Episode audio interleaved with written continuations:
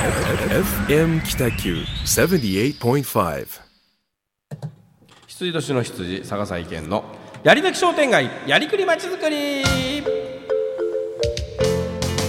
さあ、えー時間も時間ですので急いでいきます。このコーナーでは商店街活性化まちづくり活動の推進などどのように考えてどのように実践していくのかを事例検証等を含めながら分かりやすく紹介提案していくコーナーです。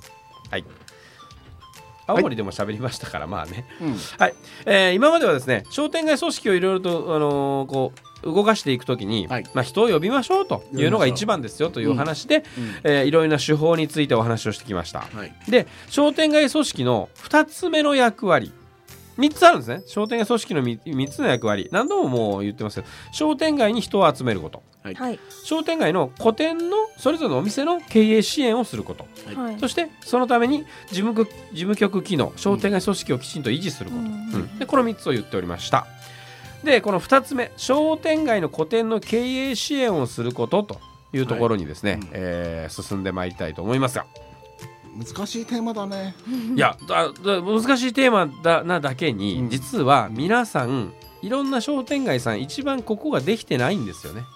やっぱり。うん。あんたに教えられたくないっていうね、とかね。言葉が飛び交いそうですもんね、そうそうそう。である程度その個店の経営状況まで、口を出さざるを得ないものもあるし、もう私は一国一城の主でここで何年もね、何十年も店やってんだから、なんであんたがそんなこと言うのと。うんそれありますよね。ね、そういうのがあると思うんですが、うん。でもやはりそれに、えーだからって商店街が側が、えー何もしないというと、結局そこができていないからうん。進まなくなってそれぞれの個店のスキルは落ちていく。いやいいんですよ。個店さんがものすごい頑張って、ねええ。秋竹さんのダダ漏れマーケティングを聞いて、うん。ね、自分でできるというあお店ばっかりが集まってれば問題はないんですけど、うん。そうもいかない。でそうでそうそう。だからあの手を変え品へ品を変え古典支援でしかもなんかさっきも言ったようにこう土足でバーンと入っていって、ええ。あなたのお店こんな風にしますよという風にやるんではない、あ方法でもっと柔らかく。そうそうそう、うん。どうやって古典を応援するかと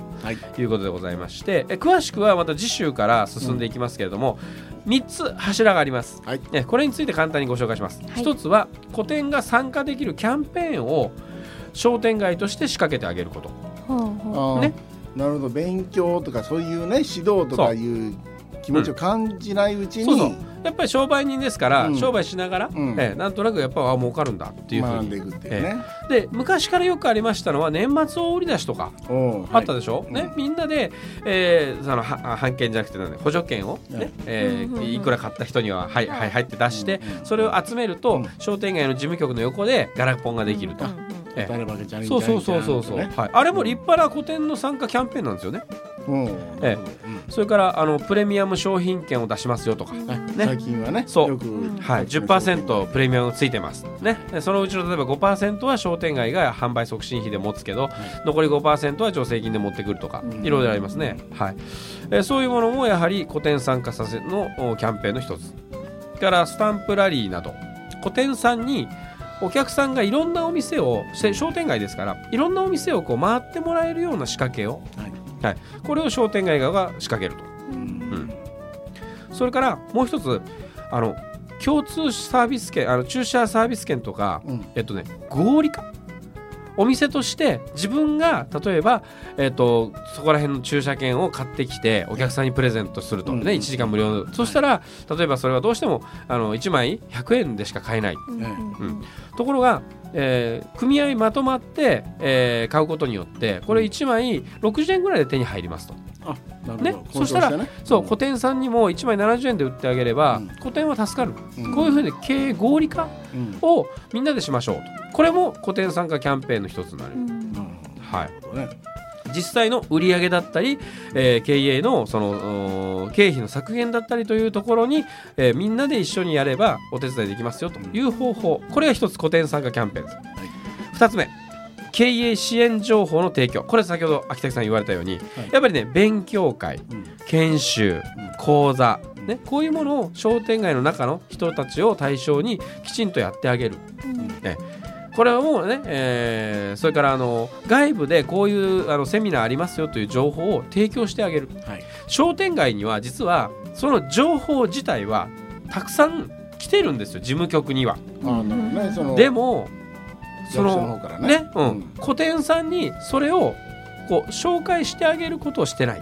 は事務局がねそう。その情報を流すという機能がね、ええ。止まってるんだ、はい、これもやはり、えー古典支援の一つの例なんです。うんね、というかやんなきゃいけないことですね例という。そうですね、せっかく勉強したいと思っても情報がね手に入るかわからないってです。で古典の方々やっぱり日々のあの、うん運営をされてるんで、そこまで自分からなかなか取りに行けない、そうですええ。ね、だそのためにやっぱり商店街側は古典のための、えー経営支援情報はちゃんと提供してあげましょうということです。で3つ目。マスコミとか観光への対応の支援。はい。